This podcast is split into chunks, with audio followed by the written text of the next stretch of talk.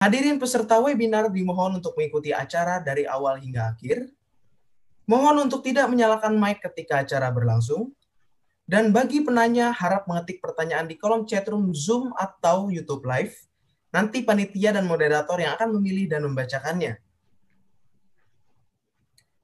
Selamat pagi yang terhormat Rektor Universitas Tarumanagara, Bapak Profesor Dr. Insinyur Agustinus Purna Irawan, dan Dekan Fakultas Ilmu Komunikasi Universitas Tarumanagara, Ibu Dr. Riri Sloisa, MSI, dan juga rekan-rekan peserta webinar yang sudah datang hari ini.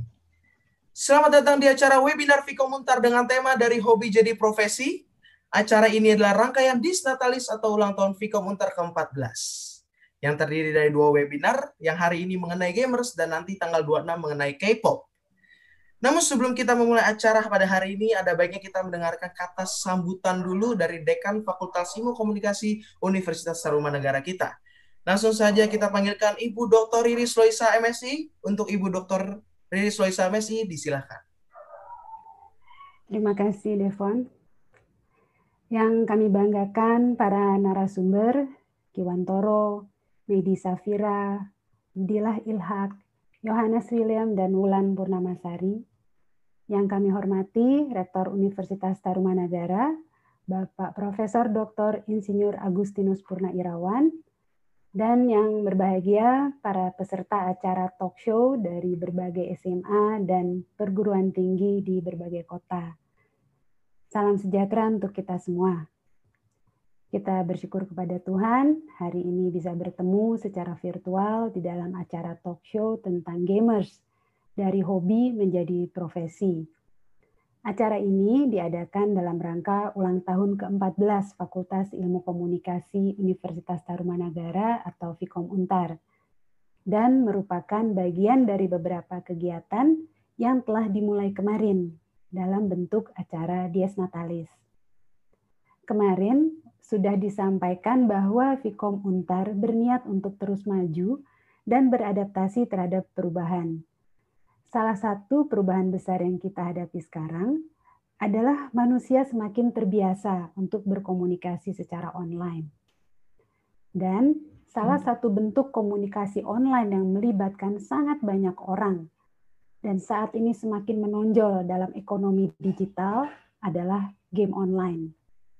Bahkan di masa pandemik ini, saat dunia usaha pada umumnya mengalami penurunan, industri game online justru mengalami kemajuan pesat. Website resmi Forum Ekonomi Dunia mencatat bahwa COVID-19 yang sedang terjadi justru telah menaikkan game online dan e-sport ke level yang baru dan bahwa sejalan dengan meningkatnya pendapatan, perusahaan-perusahaan game telah memberi sumbangan yang besar terhadap penelitian tentang COVID-19. Pada ulang tahun Vkom Untar ke-14 ini, kami ingin lebih jauh memahami dunia game, terutama ketika ada beberapa alumni dan mahasiswa Vkom Untar sendiri yang menekuni dunia game menjadi profesi mereka. Kiwantoro misalnya adalah alumni Vkom yang setelah beberapa tahun berprofesi sebagai jurnalis televisi, kemudian beralih menjadi pengusaha yang membangun startup game Kemudian ada Meidi, mahasiswi Vkom yang saat ini menekuni salah satu profesi baru dalam dunia game dengan istilah asing bagi kebanyakan orang. Dan bahkan ada beberapa dosen Vkom Untar yang aktif menggunakan game online. Mereka ini merupakan sedikit contoh yang menjembatani kita untuk memahami komunikasi dunia siber secara lebih konkret, khususnya game online. Untuk itu, terima kasih kepada kelima narasumber, Kiwantoro, Yohanes William, Abdillah Ihak, Medi Safira, dan Wulan Purnamasari. Semoga show pagi ini tidak hanya menyemarakkan ulang tahun Vkom Untar ke-14, tetapi juga berguna untuk kita semua. Kiranya Tuhan senantiasa melindungi kita. Terima kasih. Terima kasih untuk Ibu kata atas kata pembukanya. Sekarang kita juga akan mendengarkan kata sambutan sekaligus pembukaan acara dari rektor yang gaul dan juga sangat milenial kita nih. Langsung saja kita panggilkan Bapak Profesor Dr. Insinyur Agustinus Purna Irawan untuk Bapak Rektor disilahkan.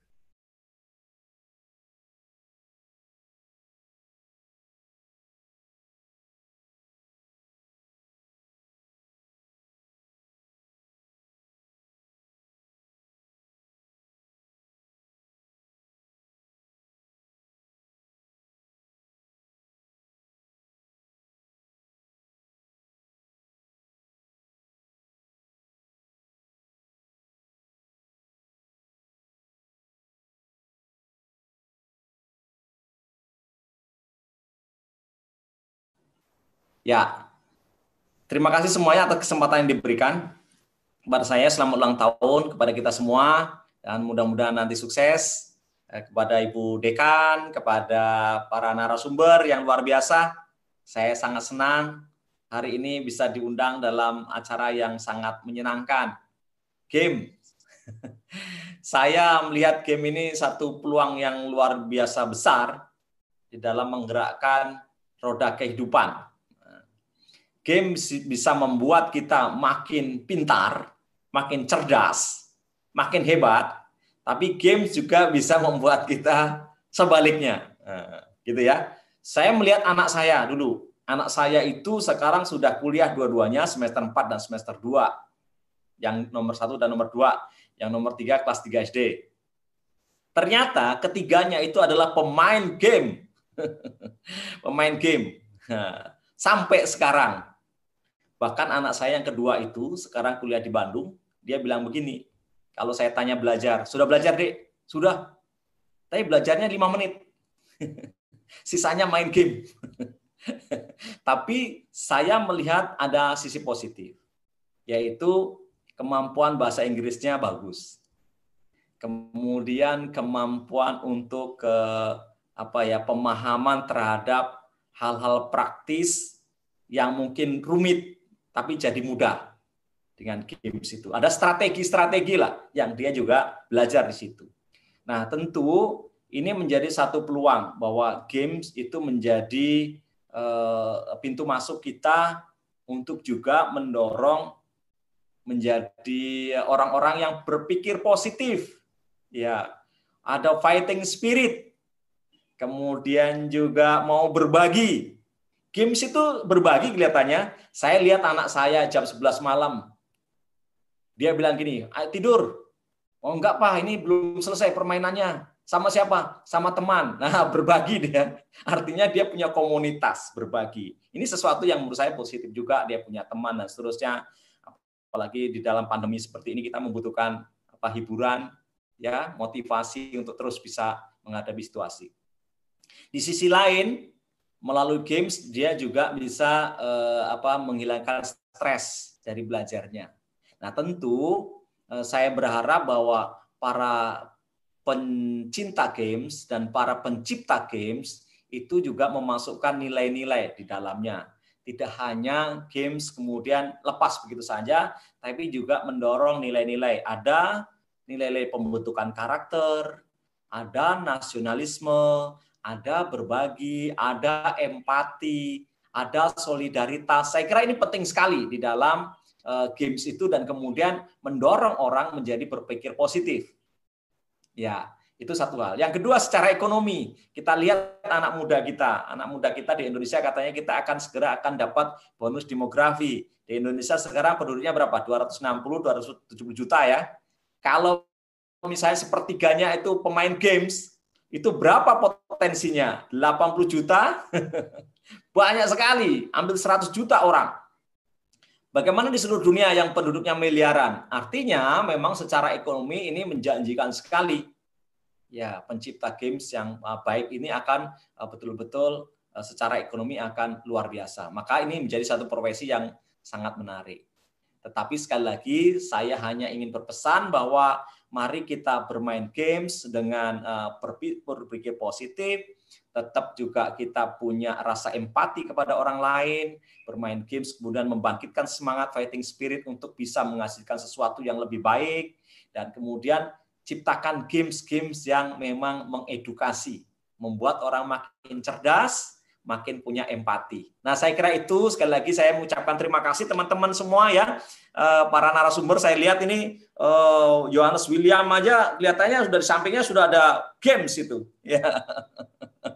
Jadi saya sangat senang mudah-mudahan pekerjaan ini juga menyenangkan dan sekali lagi hasilnya juga luar biasa tadi Bu Riri sudah sampaikan komunitas games juga games gamers sudah menghasilkan banyak sumbangan untuk eh, pandemi Covid ini sesuatu yang luar biasa yang mungkin selama ini kita tidak berpikir sampai di situ tapi ternyata memang hasilnya luar biasa. Sekali lagi selamat kepada Vicom, selamat kepada panitia, selamat kepada para pembicara, selamat kepada kita semua yang mengikuti acara ini. Mudah-mudahan mengambil sisi positif yang bisa kita pakai untuk kehidupan yang lebih baik. Dengan mengucap syukur pada Tuhan Yang Maha Esa, acara webinar pada pagi hari ini saya nyatakan dibuka. Terima kasih. Baik, terima kasih Pak Rektor atas kata pembukanya. Kelihatan ya dari pembawaan Pak Rektor, Pak Rektor suka main Mobile Legends kayaknya. Dan teman-teman, acara ini dalam rangkaian Disnatalis Vkom Untar yang ke-14. Tentunya dalam webinar ini, Vkom Untar mengundang pembicara atau narasumber yang berkompeten di bidangnya. Jadi buat teman-teman semua yang sudah mempunyai minat dan bakat di dalam dunia games, webinar ini cocok banget buat teman-teman semuanya. Karena kita tidak bisa menemukan webinar sebagus dan sekeren ini di tempat lain kalau bukan di Vkomuntar. Jadi hmm. selamat datang untuk teman-teman semuanya. Perlu diingatkan juga teman-teman eh, bahwa ada hadiah voucher Google Play senilai Rp700.000 untuk tujuh orang pemenang di akhir acara bagi penanya terbaik dan juga postingan foto atau video dengan like terbanyak di Instagram.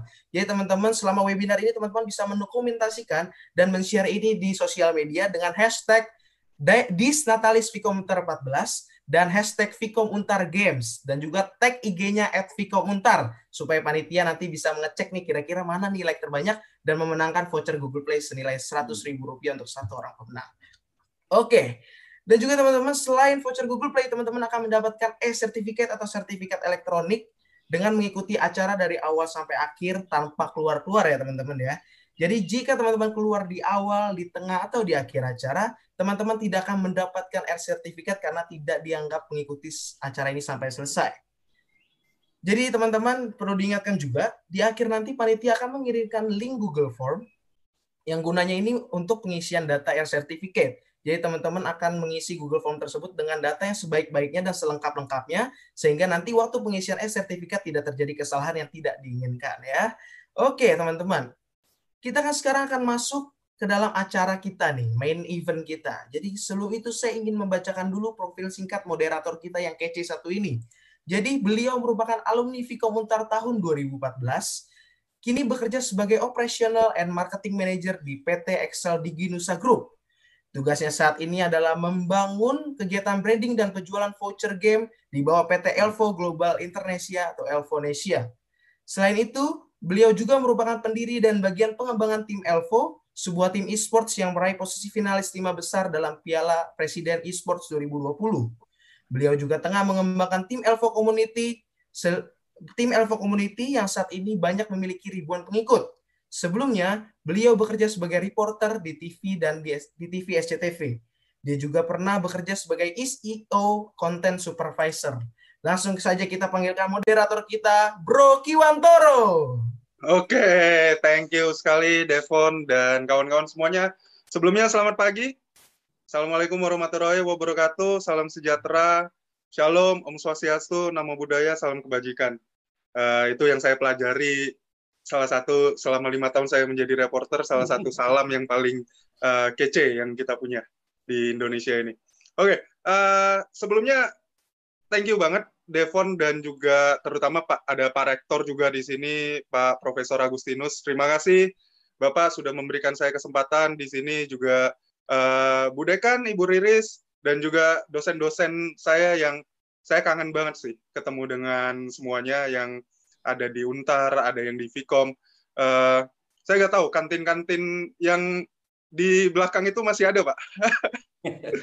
saya kangen tuh makan mie ayam yang di sebelah tuh, di sebelah gang itu. Itu mie yamin langganan tuh dulu ketika kuliah.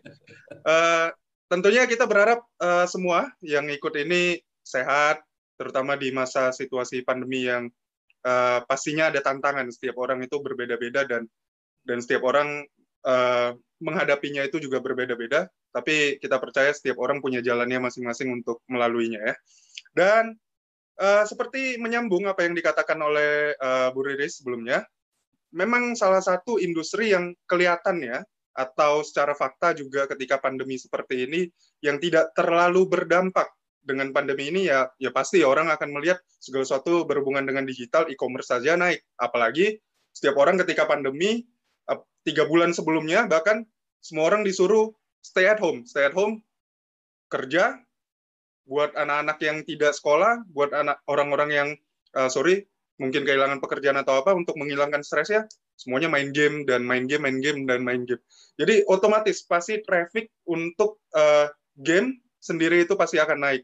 Uh, salah satunya nih, saya punya data, yaitu ketika ini sebelum pandemi ya, ketika 2019, itu dari teman-teman bisa akses, ini newzoo.com, di sana uh, dikatakan bahwa di tahun 2019, total revenue yang didapatkan dari game, dari segala jenis game yang ada, itu mencapai 152,1 miliar US dollar.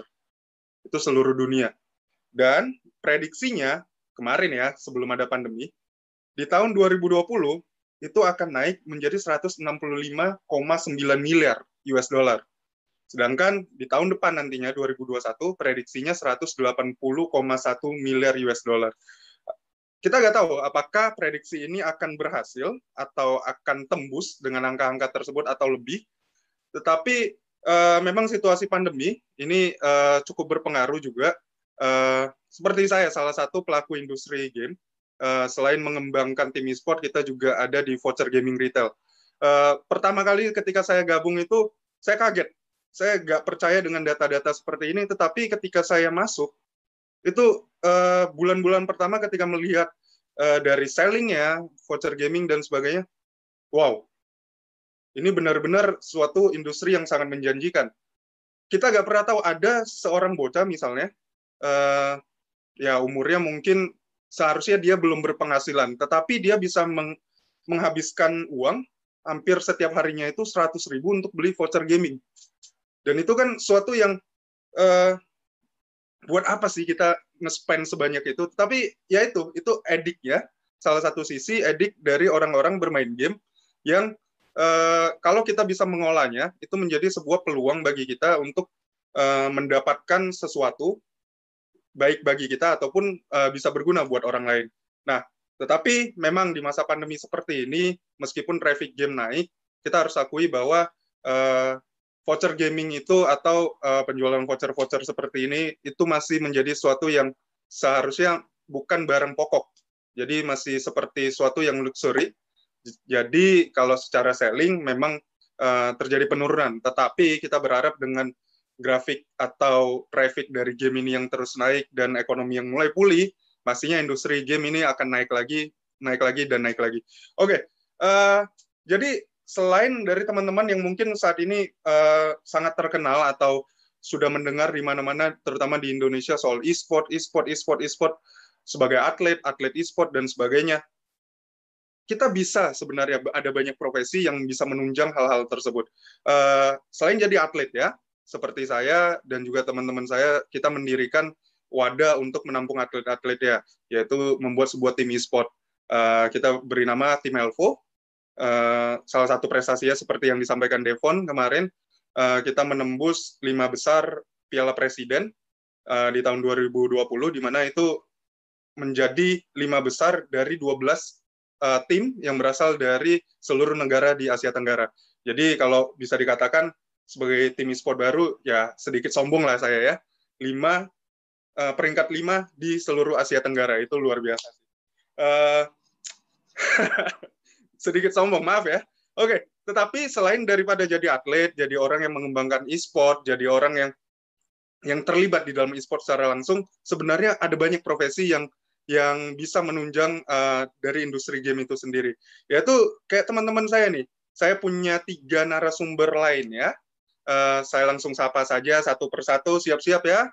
Yang pertama, ini ini senior saya nih. Ini senior saya, teman-teman kalau pernah nonton The Voice Indonesia, itu luar biasa sih suaranya. Jadi selain saat ini jago main game, uh, dia punya suara yang emas sih. Tapi dari dulu sejak kuliah, seingat saya dia juga punya suara emas sih.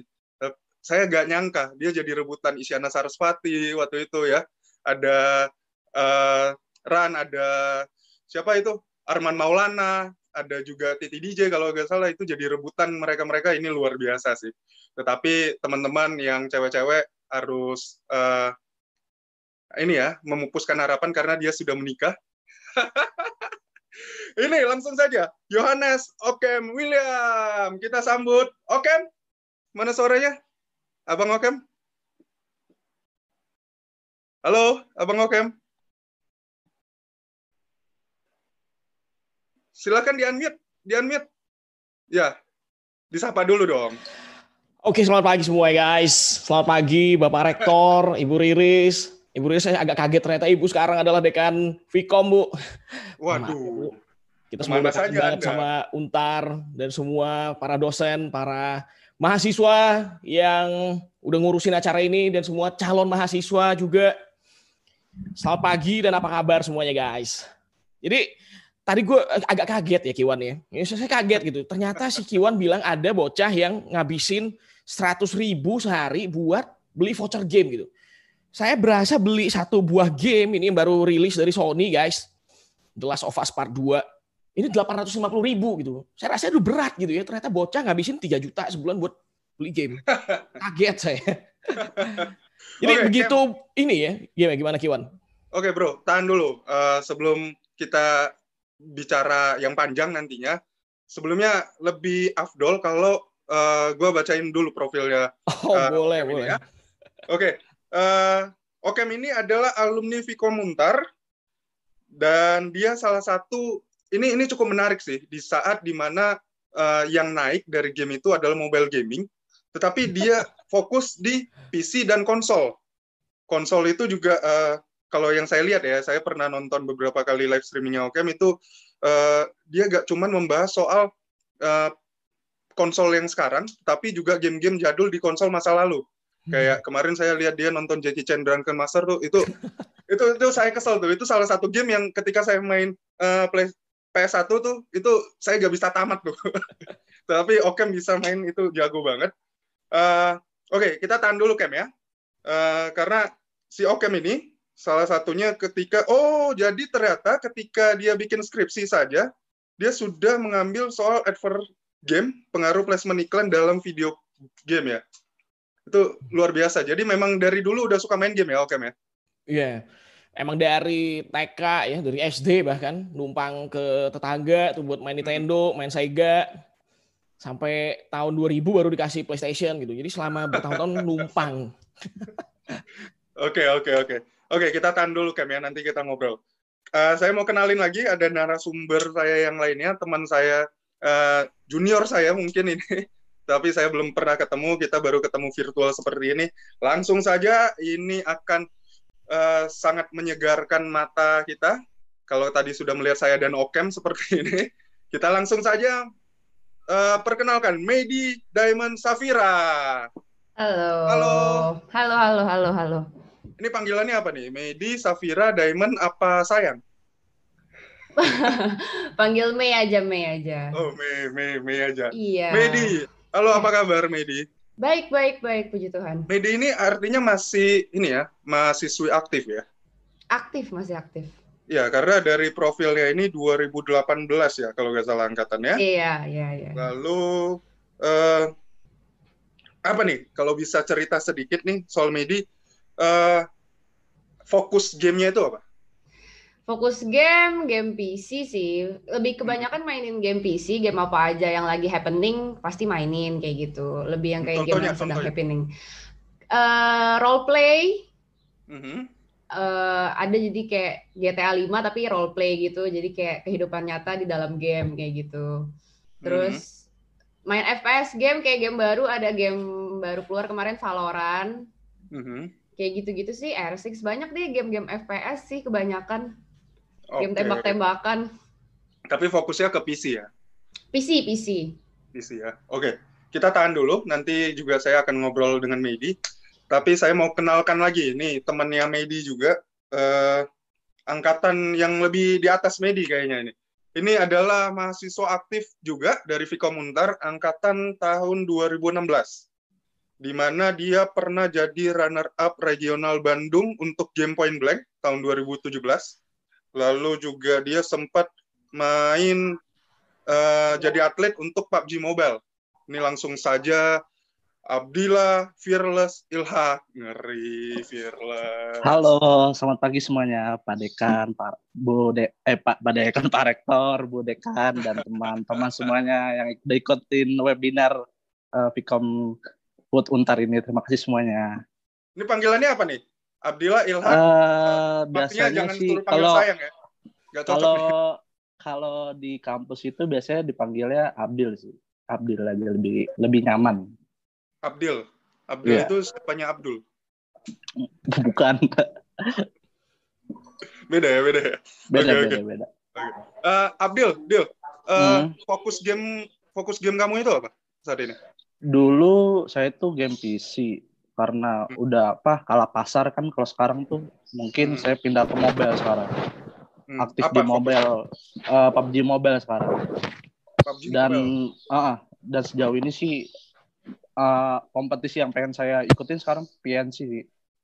Yang Aha. mau tanggal 25 26 ini. Itu, Itu- skala nasional. Itu bikin tim sendiri atau Hmm. eh, masuk ke e-sport? Aktif di e-sport apa tim sendiri? Kalau sa- dulu saya ikut eh, tim e-sport, sekarang saya eh, bikin tim sendiri. Jadi eh, Ah. mandiri ya, kayak indi- Hmm. eh, komunitas ya, bisa dikatakan. Komunitas, iya betul. Dulu di tim e-sport apa? Dulu saya di Dranix pernah, Oh, sempat di Dranix. Ya, ya. pernah, pernah s- seperti di Dranix dan eh, salah satu ya eh, ada tim e-sport tapi nggak terkenal juga sih, tapi ya lumayan besar gitu. Oke. Hmm. Oke. Eh, ini per- ini yang menarik nih. Selain aktif, ini 2016-2020, artinya ini tahun keempat. Si Abdil, Dil, kamu Hmm. lagi skripsi saat ini. Eh, saya skripsi udah kelar sih, udah kemarin udah selesai. itu kemarin ah udah sidang, udah selesai sidang, Oke. tinggal eh, wisudanya doang yang belum. Oh, tinggal wisudanya Iya. ya. Kayaknya Iya, betul. Anda akan menjadi Hmm. angkatan yang melakukan wisuda virtual kayak. Wah, jangan sampai tuh. Ya Pak Rektor ya. Sepertinya Abdil ini akan jadi angkatan yang eh, wisuda virtual. Tapi ya apa pun itu kita Hmm. harapkan eh, Hmm. tentunya yang terbaik buat teman-teman. Kemarin saya juga sedih tuh ngelihat banyak orang yang wisuda virtual sampai ada gerakan eh, yang sebenarnya saya juga bingung korelasinya.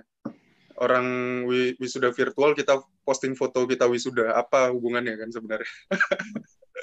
Tapi ya sudah. Eh, kita balik lagi ke temanya kita. Eh, saya pengen nih ngobrol sama eh, teman-teman yang terutama eh, antara Medi sama ini nih si Okem nih. Anda berdua main di eh, dua jenis game kalau secara toolsnya ya atau secara ya permainannya lah dari gameplaynya itu itu bukan yang bisa dikatakan mainstream terutama di Indonesia. Karena salah satu hal yang saya menjadi pertimbangan saya ketika saya running tim e-sport waktu itu adalah eh, kita tidak masuk ke Dota, kita tidak masuk ke CS:GO, eh, kita tidak masuk ke PUBG PC itu karena perkembangan PC dan konsol itu tidak tidak sekompetitif itu dan tidak semenjual itu di Indonesia. Tetapi kalian berdua itu masuk ke segmen yang sangat bisa dikatakan eksklusif sekali. Bahkan juga bukan memainkan game yang eh, secara kompetitif atau mainstream itu menjual. Nah, terutama dari Okem nih. Okem eh, mulai berpikir streaming seperti itu kapan? Lalu eh, kenapa sih ngambil segmen yang itu kecil sekali? Silakan. Oke. Jadi gini Iwan, waktu itu gue lagi sama istri nih, calon istri ceritanya. Kita lagi naik Grab. Dalam perjalanan dia bilang nih, eh Cece, Cece gue punya ini ya, punya punya temen youtuber katanya. Alah capek lah gitu kan, ah, youtuber apa sih? Namanya Miao Auk. Siapa Miao Auk? Coba lihat kayak gimana dia ngapain gitu kan, tuh tahun 2018. Dia punya subscriber ternyata 2 juta. Nah itu saya kagetnya bukan main gitu. Sampai kena polisi tidur, cebuar, kaget banget. Kok bisa 2 juta gitu ya. Nah sejak itu saya mulai ngulik nih, dia ngapain gitu. Dia ternyata mainin game-game yang yang sama juga. Game PC, game yang punya story, yang sama sama saya suka gitu. Jadi saya memang udah, ini PC udah di-build lama ya, memang hobi banget. Nah ini baru sih mikir gitu, kenapa nggak nggak bikin sesuatu yang dari hobi tapi bisa dimonetize. Nah, waktu itu saya masih eh, bekerja di Prudential sebagai agen asuransi, eh, tapi berprestasi ya, ke Eropa dua kali, ke Bangkok dua kali, ke wah udah sering lah. Nah, akhirnya saya pikir, wah ini bisa nih jadi part time. Nah, saya, saya mulai bikin beli-beli alat ya kan. Jadi dapat dari modal dari kerja, nyicil, nyicil alat, mic, eh, webcam semuanya. coba posting ke YouTube. Oh ternyata berat. Effortnya luar biasa, ya view-nya paling dapat 5, 12 gitu. Hmm, baiklah. Nah tiba-tiba Facebook muncul nih, masuk ke market Indo. Market Indonesia mau bikin Facebook gaming. Itu ngapain? Nah mulailah era live streaming game. Kayak mungkin teman-teman taunya Twitch ya. Nah Facebook punya agenda mau compete dengan Twitch, tapi kayaknya dia memang nyasar market Asia. Nah, saya coba tuh nge-live di situ berapa lama akhirnya keterima jadi partner. Itu kira-kira hampir 8 bulan, 8 bulan nggak ada penonton. Mulai-mulai ada penontonnya di, bulan-bulan ke-6. Nah, akhirnya waktu itu semua memang market yang paling dominan adalah mobile gitu. Tapi karena memang saya nggak bisa menikmatinya gitu, menikmati ini kan harusnya memang dari esensinya ini adalah hobi yang menjadi profesi memang. Ini memang saya cinta banget gitu. Jadi awal memang hobi banget. Saya nggak mau cobain ke HP karena saya nggak bisa enjoy dengan eh, permainannya semuanya gitu. Karena memang saya sukanya ini. Nah saya coba bawa ini ke Facebook Gaming. Ternyata sambutannya lumayan. Sampailah hari ini Kiwan. Hmm, jadi uh, ngambil sesuatu yang sudah segmented dari konsol, mm-hmm. masuk lagi ke Facebook, Facebook yang kalau orang-orang mungkin di Indonesia juga uh, lebih tahunya selama ini YouTube. yang untuk streaming itu YouTube dan bahkan dulu ada Nimo dan kawan-kawannya. Tapi Okem ngambilnya Facebook. Ya, waktu itu masih blue ocean banget kan. Mm-hmm. Saingnya belum banyak, jadi yang main beginian tuh baru nggak nggak beberapa lah, nggak, nggak masih bisa dihitung jari lah. Waktu awal-awal stream di Facebook buat bawain PS4, buat game-game triple A masih jarang banget. Jadi pas mereka scroll mungkin wah ini agak-agak beda nih. Gambarnya halus banget gitu, realistis, detail gitu kan. Terus eh, rasanya mungkin ini menarik nih bagi penonton gitu. Jadi itu yang bikin ada viewers. Ya. Tapi kalau tentang viewer sama live stream ini sebenarnya gini nih Kiwan. Ada beberapa variabelnya gitu kan. Kenapa orang nonton live stream? Nah memang ternyata banyak kan viewer bilang lu, lu punya punya personality yang gue suka gitu kata penontonnya dan mainin game yang relate sama mereka gitu jadi mereka sukanya game waktu itu Gears of War nah tiba-tiba datang tuh fans Gears of War ketemu sama komunitas Xbox Live Indonesia gitu kan nah mereka mereka gabung mereka jadi nonton gitu. tetapi semua konsol itu oke okay mainin di PC ya uh, PC ini cuma mirror doang sebenarnya jadi tetap okay. mesinnya di dari di sini ini Nah, di, oh. di PlayStation 4 di sini. Nah, kita bawa oh. mirroring ke PC sebenarnya. Oke, jadi tetap ada konsol originalnya ya. Uh, uh. Jadi kalau, kalau ada di PC mainnya di PC, tapi kalau cuman eksklusif kayak God of War gini, Last of Us adanya di PS, kita mainnya dari PS. Oke. Jadi kalau tadi saya nangkap apa yang Okem sampaikan, ada dua hal nih yang bikin uh, orang tertarik sama konten yang Okem sajikan. Yang pertama, uh, tentu saja game itu yang uh, mungkin relate, terutama untuk para pecinta konsol. Yang kedua, hmm. mungkin orang-orang yang nggak terlalu tertarik dengan konsol tapi tertarik sama Okem ya. Jadi ada dua hal yang Okem uh, tawarkan di sana. Yang pertama uh, apa yang dimainkan, yang kedua adalah branding personality-nya Okem ya. Ya, betul, Kiwan. Oke, okay. uh, tahan dulu kan. Setelah ini saya akan ke Medi, tapi sebelumnya saya ingin perkenalkan satu narasumber lagi. Ternyata kita punya satu lagi yang maaf sekali ini saya lewatkan ini adalah dosen Vkom Untar yang saat ini masih aktif. Dia uh, dulu juga ternyata adalah alumni dari Vkom Untar. Saya nggak tahu nih angkatan berapa. Mungkin temannya Okem nih. Uh, lalu juga dia sarjana, sorry, magister uh, dari Ilmu Komunikasi Universitas Indonesia. Dia magister di sana, S2 ya artinya. Lalu sekarang sedang mengambil uh, studi doktoral ya di Vkom Universitas Pajajaran. Wah, ini kayaknya uh, seorang yang sangat aktif sekali di bidang komunikasi ya. Langsung saja, inilah saya panggil apa nih? Kakak, ibu, atau mbak nih? Wulan Purnama Sari. Mana dia? Halo. Eh, halo. Halo. Ini kayaknya saya... backgroundnya yang merah nggak gitu bisa. Oke, nggak apa-apa. Ini saya panggil apa nih? Uh, Mbak, Apa kakak, ya? ibu. Nama aja oke okay lah. Biar nggak usah rumit-rumit ya. Oh, bebek ya, bebek gitu. bebek, ya boleh aja sih kalau belum punya. Oke, okay. uh, uh, Kakak Wulan lah ya, kita panggilnya Kakak Wulan. Kakak Wulan sebagai seorang dosen Vkom Untar katanya juga aktif dan senang nih main game. Uh, kalau saya lihat dari profilnya, terutama di genre yang uh, simulasi dan RPG. Bisa diceritakan sedikit nih sebelum kita nanti bahas juga panjang dengan Kakak Wulan. Sebenarnya kalau mau cerita mungkin jauh sebelum jadi dosen atau jadi apa pun mungkin udah main game dulu ya. Namanya juga dari anak-anak udah main game. Cuman kalau tadi misalnya Okem atau Medi lebih ke arah game PC gitu ya. Kalau saya pribadi lebih ke arah yang konsol. Jadi memang jauh lebih, kayaknya kurang bisa enjoy kalau main game PC pernah nyoba tapi ya gitu deh intinya kurang sesuai hati nurani ya akhirnya tetap lagi baliknya konsol lagi konsol lagi jadi sampai sekarang, sekarang pun yang dimainin tetap konsol sekarang lagi Tapi emang main... genrenya kagak bisa yang tembak-tembakan kayak Medi, waduh. Uh, hancur hati ini. Lagi aktif main game apa? Kalau sekarang sih kebanyakan masih di Nintendo Switch. Paling ya yang terakhir karena uh, saya suka demennya game yang agak ya mungkin kalau orang bilang cewek banget yang geli-geli lucu gitu ya kayak model Animal Crossing. Ya pokoknya yang gemes-gemes gitu deh. Okay, kalau model okay. kayak Point Blank wah itu kayaknya uh, agak-agak kurang gimana hati ini kagak siap pokoknya. Oke, okay, uh, eh, thank you banget. Kita nanti akan uh, sambung lagi yang panjang sebelum saya ke Medi. Ini ternyata uh, ada informasi ini nih. Semua orang ini mau diminta untuk on cam dulu karena ternyata kita mau foto-foto dulu nih. Kita mau foto-foto, semua peserta boleh, boleh on cam dulu. Semua narasumber, semua peserta uh, yang ada di webinar ini seluruhnya. Dan sambil menunggu semua peserta on cam, saya juga mau menyapa teman-teman yang nonton live dari YouTube juga nih. Udah berapa orang yang nonton dari YouTube nih? Tadi terakhir saya lihat ada hampir 100 orang. Nggak tahu sekarang tuh berapa tuh. Ini luar biasa webinar dari Vikomuntar nih.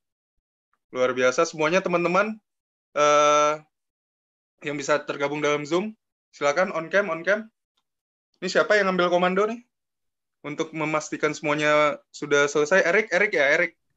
Erik gimana? Sudah aman semuanya? Sudah on cam? Erik tolong dicek.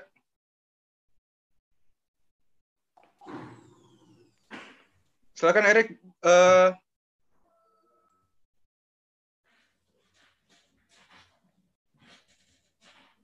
Erik, Devon, silakan. Sudah aman? Orang-orang untuk dia capture? Sudah? Belum nih, belum semua. Oh, belum semua. Oke. Okay. Belum semua. Uh, Devon ambil aba-abanya. Devon ambil aba-abanya. Nanti okay. saya ambil lagi. Oke, teman-teman, semuanya boleh on cam dulu ya, karena kita mau foto dulu nih. Jadi kalau misalnya foto cuma nama doang kan gak enak, kita on cam aja ya. Saya rapiin rambut sedikit asik. Ini nih emang PSBB bikin rambut gondrong kan.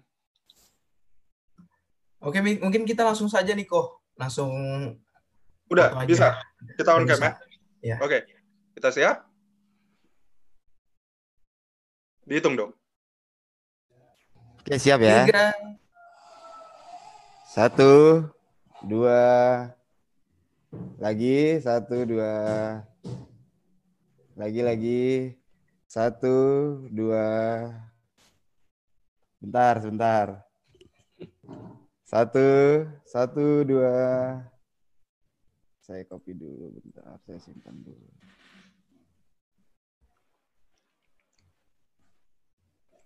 Lagi ya. Satu, dua, sebentar. Kita paste dulu.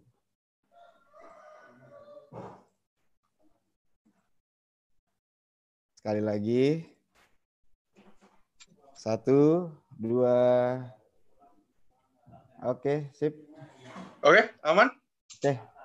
Aman? Oke. Kita lanjutkan ya. Dari tadi nih yang kita tunggu-tunggu dari harusnya dari Abang Okem langsung ke dia. Ini dia sayang, eh sayang lagi kan. Uh, Mei, Mei. Iya, Mei iya, gimana, iya. Mei? Mei juga gimana, salah gimana? satu yang yang kayak uh, Okem nih. Kalau Okem kan hmm. kan konsol di mirror ke PC, uh, eh, segmented, tapi kalau Mei langsung main di PC ya, GTA mm yang ada di PC. Uh, eh, itu kenapa sih awal mula Mei uh, juga mau ngambil sesuatu yang yang nggak populer sebenarnya di Indonesia terutama. Gini, sebenarnya sih awalnya emang rada-rada apa bahasanya insecure kali ya, takut nggak nggak bisa sukses atau kayak gimana gitu. Karena kan emang kita di Indonesia ini lebih ke arah game yang mudah gitu, yang kayak cuma pakai handphone kayak Mobile Legend, PUBG Mobile kayak gitu ya. Kalau di Indonesia ya. Terus uh, emang sebelum main game PC, uh, aku tuh sempat main game mobile. Terus kemudian uh, lagi iseng-iseng, lagi malam-malam nih iseng-iseng sama teman-teman diajak, Mei kita ke warnet yuk gitu. Warnet tuh warung internet. Mei kita ke warnet yuk katanya. Terus kayak uh, aku kan kayak eh enggak nggak mau ngapain gitu kan udah nggak apa-apa uh, eh, gue bayarin lu kayak gitu udah iseng udah tuh sampai akhirnya pada waktu itu pergi terus mainlah game pertama namanya Apex Legend kalau tahu game hmm, FPS tahu. gitu nah terus abis main pas main game itu main kan terus jadi nagih ke warnet terus karena penasaran kenapa sih kok kok gue nggak bisa main kayak gitu loh terus sampai akhirnya pena, dari penasaran itulah akhirnya beli PC beli PC itu nggak langsung streaming, lang uh, masih yang kayak main-main-main. Akhirnya iseng-iseng uh, beli webcam, ya udah streaming lah di awalnya di Nimo deh kalau nggak salah. Terus sama tuh kayak si Koko Okem itu juga baru pertama baru nggak lama tuh keluar Facebook Gaming, tapi nggak langsung yang kayak diniatin gitu nggak, cuma yang kayak iseng-iseng doang. Sampai akhirnya baru baru diniatin ini tuh kemarin-kemarin ini waktu awal-awal masa pandemik ini diniatin. Terus kemudian baru beberapa hari yang lalu sebelum acara webinar ini akhirnya uh, partner gitu loh. Baru baru beberapa kemarin ini. Terus jadinya kayak uh, streamingnya sih nggak cuma di Facebook ya, di YouTube juga. Sebenarnya tuh tergantung niat dan usaha aja sih mau kita mikirnya uh, game PC nggak rame, kalau misalnya memang ada pasarnya dan orang-orang mau nonton, pasti ada aja gitu loh. Dan net, net, netizen sekarang tuh suka banget yang namanya drama, makanya main kayak game GTA roleplay gitu-gitu tuh orang suka nonton karena kayak kan gitu kan kayak cerita real life yang kayak dibikin menjadi nyata gitu kan kayak misalnya ada berantem berantem apa tuh view, banyak tuh bakal viewers yang bakal masuk kayak gitu-gitu tergantung ini aja sih niat aja mau mau apa enggak kayak gitu. Iya kemarin kayak uh, saya sempat uh, nonton juga tuh si Mei main GTA di GTA 5 ya itu ya yeah. GTA 5 di PC itu ternyata GTA di zaman sekarang ini saya udah lama banget gak main GTA dan ternyata yang di PC saya nggak tahu ya yang di PS4 karena terakhir yang saya main itu di PS3 itu bisa interaksi kayak kita main uh, MMORPG atau FPS yang lain ya. Dan itu bisa banyak sekali ya. Itu bisa yeah. sampai berapa orang sih? Uh, jadi itu pakai server gitu loh. Jadi ada orang yang memang ngerti tentang coding yang bikin kayak server-server kayak gitu. Terus dia bikin server lah. Terus habis itu mulai itu masuk orang-orang paling dalam satu kota gitu kita ngomongnya di situ tuh kota. Kota itu paling 120 orang kayak gitu. Tapi kan oh. kan interaksinya asik kayak gitu. Jadi real real person 120 orang gitu ya? Real person. Oke, okay, 120 orang. Jadi di sana gak ada yang namanya uh, apa yang kita sebut bot apa sih istilahnya? Saya lupa deh. Iya benar bot bot. Ya. Ada NPC sih tapi nggak. NPC-nya nggak ada ya? NPC. Ada. Mereka cuma naik mobil aja, muter-muter jalan, tapi nggak bisa diajak ngobrol. Oke, okay, oke. Okay. Oke, okay. ini buat Okem sama Medi nih. Ini yang fokus di Facebook Gaming nih apa sih bedanya Facebook Gaming dengan YouTube yang sudah kalian pernah jalan ini? Dan tadi kan sebelumnya Oken uh, ngomong kalau YouTube pernah tapi gak terlalu sukses. Sekarang masuk ke Facebook sudah sudah berapa lama kan? Oh setahun hampir. Partner nah, sih setahun, tapi kalau okay. merintisnya udah dari 2018 akhir. Okay. Awal 2019 lah benar-benar terjunnya. Oke, okay. sedangkan Medi juga baru bulan pertama nih ya artinya jadi partner ya. Tapi yeah. udah mulai beberapa bulan. Nah, kalau dari kalian nih, uh, kalau bisa cerita apa paling pembedanya antara Facebook Gaming dengan YouTube Gaming? Itu yang pertama. Yang kedua adalah apa sih bedanya ketika jadi partner sama enggak dengan oh. Facebook? Apakah harus sukses di Facebook Gaming itu harus bisa dapat pengakuan partner ya itu? Apa nah. gimana? Silakan. Siapa duluan? Duluan aja kok. Yang duluan partner. Pertama, bedanya sama YouTube monetisasinya berbeda, udah jelas kalau streaming itu sebenarnya memang basically kita dapat saweran kan dari penontonnya. Itu yang culture-nya Twitch gitu. Asal dari Amerika gitu guys. Amerika tuh biasa banget kan kalau kalian mau kalian ke Eropa mana gitu, tipping itu adalah bagian yang wajib tapi tidak wajib gitu ya, nggak tertulis tapi wajib. Jadi mereka udah biasa ngasih tip ke orang-orang yang yang mereka appreciate gitu. Pelayan lah apa segala macam, penyanyi kafe segala. Nah, di dunia live stream ini sebenarnya core-nya dari sana gitu. Tapi Facebook waktu masuk sini nembus market Indonesia gitu dengan culture-nya yang kita sebenarnya belum biasa begitu kan.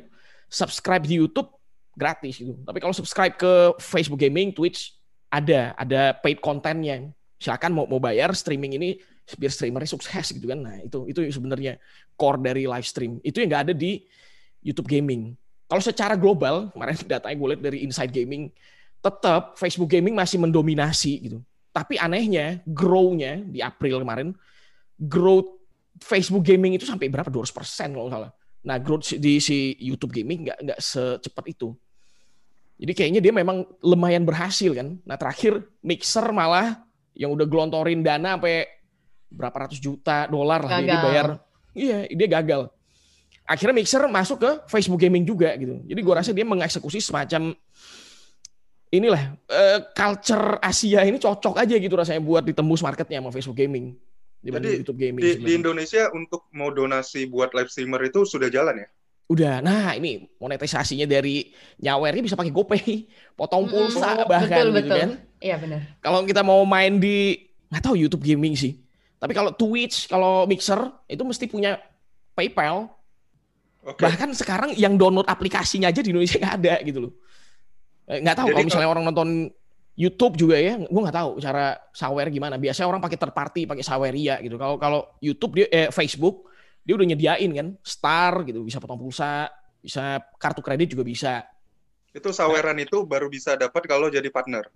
Enggak ya, kalau udah level up udah bisa kebuka. Jadi dari pertama kali mulai dia bikin ada jenjang level up itu udah bisa stream dengan kualitas tertentu lah 60 fps, 1080p. Nah, dan udah bisa buka tombol bintangnya. Jadi orang bisa sawer. Jadi bedanya apa? Sebelum jadi partner sama jadi partner. Kalau partner, partner zaman gua angkatan gua waktu itu eh, ada minimum garansi fee dari Facebook. Itu dia hmm. tunjuk satu agensi tunggal yang sekarang cuma satu-satunya di Indonesia ya Mainspring. Nah, Mainspring yang jadi scouting ininya talent gitu, talent. Nah, hmm. ini dia ditawarin kontrak sama kita gitu. Hmm. Pasti mau tanya nih, eh hey, berapa dapatnya? Itu pasti betul kalian nunggu itu semua kan? ya, semalam sekali sawer berapa tuh? ya, saweran itu sampai sekarang masih dalam ini sih, menurut menurut saya ya pemirsa masih developing gitu guys. Jadi mm -hmm. belum benar-benar menjadi core-nya yang bisa bikin streamer hidup dari saweran itu masih masih dalam perjalanan, on the way ke sana sih. Ya, tapi paling besar itu pernah dapat berapa sekali oh, di sawer?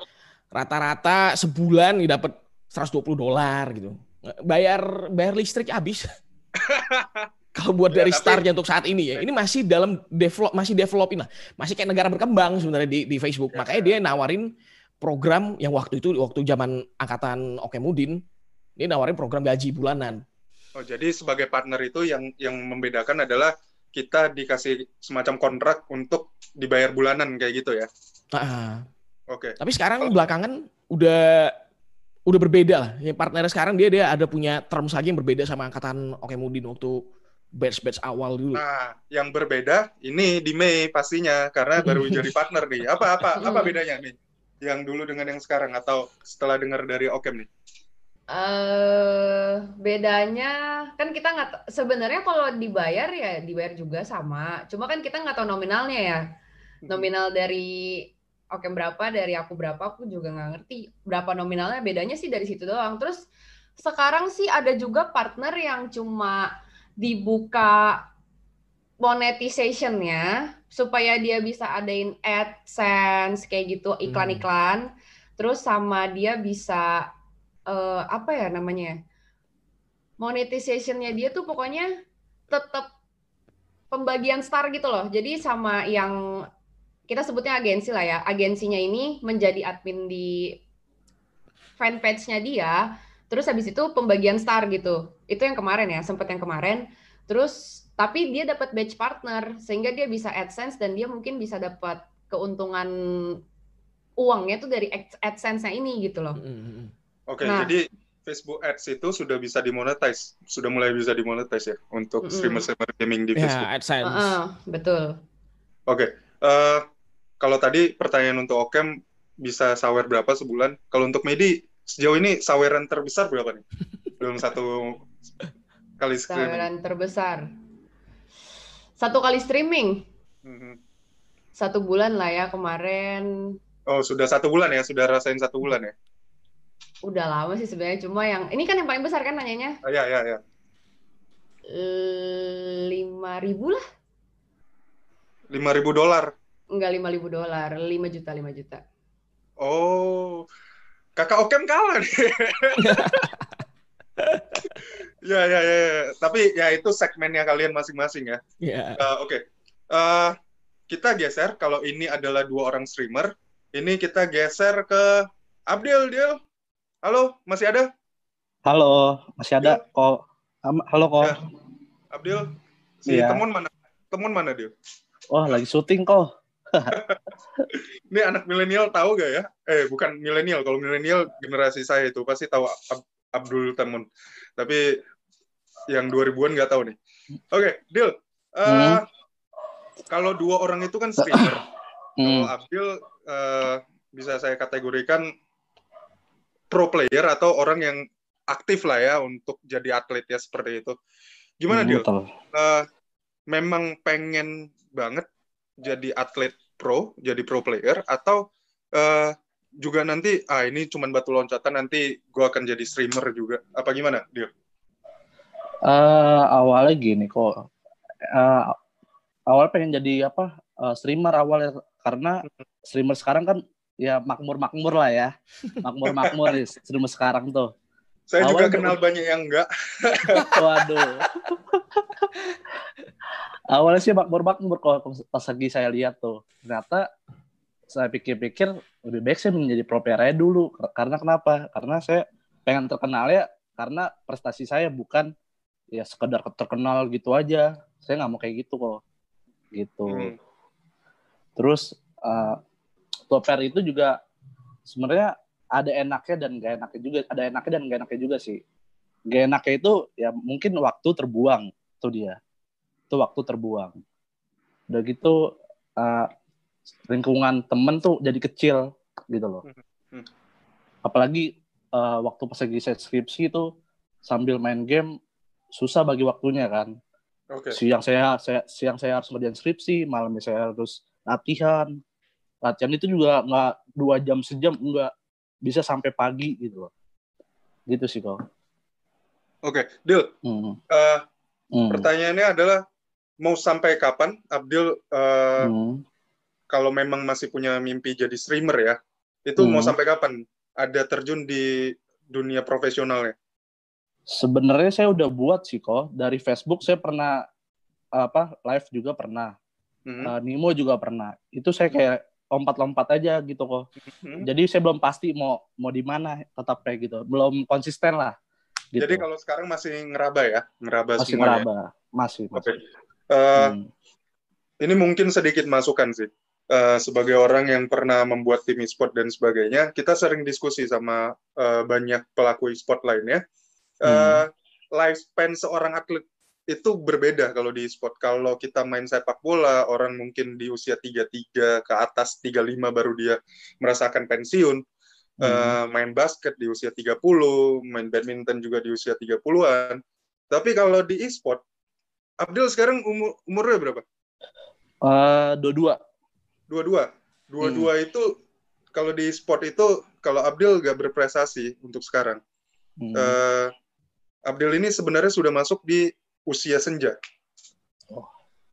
Kalau di e-sport ya, kalau di e-sport, Hmm, kalau sebagai betul, pro player, kalau Hmm. sebagai pro player karena eh, nggak tahu kenapa, memang motoriknya orang semakin bertambahnya usia itu sepertinya untuk main terutama untuk mobile itu tangannya tidak selincah bocah-bocah. Jadi betul. usia emasnya mereka itu di usia 18-19. Yang paling Hmm. jago di usia 15-16, tetapi mereka gak matang secara mental, secara attitude dan sebagainya. Iya. Tapi ketika attitude mereka mulai bisa dibentuk ya di usia 18 19. Hmm. Ya, tetapi jadi atlet e-sport itu sesuatu yang kalau dari pengalaman saya, bikin e-sport itu gampang selain Iya, kita betul. uang. Hmm, Betul. Tetapi yang paling sulit itu adalah attitude. Attitude dari player itu itu paling sulit. Ah, betul kok. Gil, eh, sebagai orang yang berkecimpung di scene profesional, Hmm. hadiah terbesar berapa yang Abdul pernah dapatkan? Dulu pernah 5 juta sih kok. Dulu ya. Kalau Hmm. sekarang mungkin ya besar lah kok. Udah bisa sampai puluhan. Ab- Abdul udah pernah dapat yang paling besar berapa? Dulu 5 juta. Kalau sekarang ini range-nya belum belum sampai 10-an belum. Oke, oke. Belum. Tetapi Hmm. artinya masih aktif ikut-ikut turnamen-turnamen Masih. kecil komunitas juga masih Hmm. aktif. Masih. Oke, eh, thank you Dil. Kita lanjut Oke. ke Kakak Ulan. Kakak Ulan masih ada Kakak Ulan?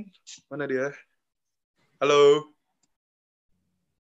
Halo, Ya, Kakak Ulan. Oke, Kakak Ulan. Ini sebagai seorang dosen, itu kan tadi sudah eh, lihat tuh ada alumninya itu. Kakak Ulan kayaknya sama nih dengan Okem nih, angkatannya atau gimana nih? Oke, eh, dan juga itu ada mahasiswanya yang juga aktif main game dan sebagainya. Kalau kakak Wulan ini sebagai orang yang suka main game, sebagai dosen juga, itu ngelihat eh, mahasiswa yang aktif main game, lalu juga ada alumni yang berprestasi di game, itu ngelihatnya gimana tuh? kalau saya sih ngelihatnya bangga ya. Maksudnya kuliah itu kan nggak harus sesuatu yang kesannya akademik, belajar, teoritis. Justru dengan misalnya Medi jadi streamer, Okem bisa jadi streamer, terus misalnya tadi juga eh, Ilhak itu bisa jadi atlet e-sport, justru itu menunjukkan belajar itu bukan cuma sesuatu yang konsepnya kalian baca buku gitu. Justru main game itu juga menurut saya mereka itu bisa belajar belajar misalnya bersosial, bersosialisasi gitu. Banyak orang bilang kebanyakan main game nanti bisa ansos, tapi buktinya banyak dapat teman baru gitu. Hmm. Atau ada juga yang bisa sampai dapat jodoh. Jadi kan kita nggak bisa mengatasnamakan main game bikin ansos atau nanti main game bisa bikin bodoh nggak juga. Buktinya Medi tetap aja kuliah lancar, ya Mei. Jadi sebagai seorang akademis, sebagai seorang pengajar, se- sebagai seorang dosen lah, itu mendukung sekali ya untuk Mendukung mahasiswanya. Mhm. Mendukung banget. itu kalau eh, sebagai seorang dosen tuh ngelihat eh, selalu ada anggapan game itu dengan pendidikan nggak bisa disatukan.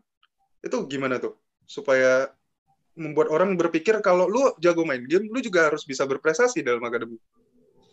Nah justru itu saya kurang setuju kayak sama pendapat game itu bertentangan sama misalnya pendidikan atau kayak misalnya mungkin dulu suka banyak sama orang tua jangan suka main game nanti nilainya jelek atau apa. Tapi justru bermain game ini bisa kita jadikan semangat bisa kita jadikan alasan justru untuk pemacu kita belajar.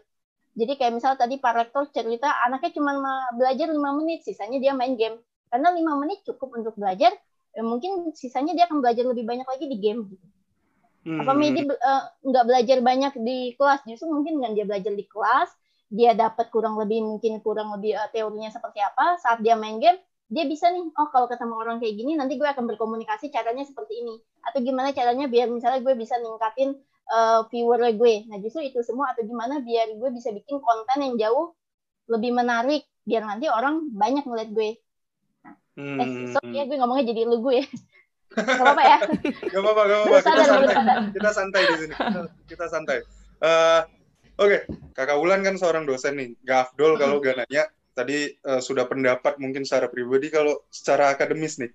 Ada gak sih kajiannya untuk eh, melihat bagaimana eh, kajian komunikasi tentunya untuk melihat eh, bagaimana fenomena game ini berkembang untuk eh, masyarakat begitu.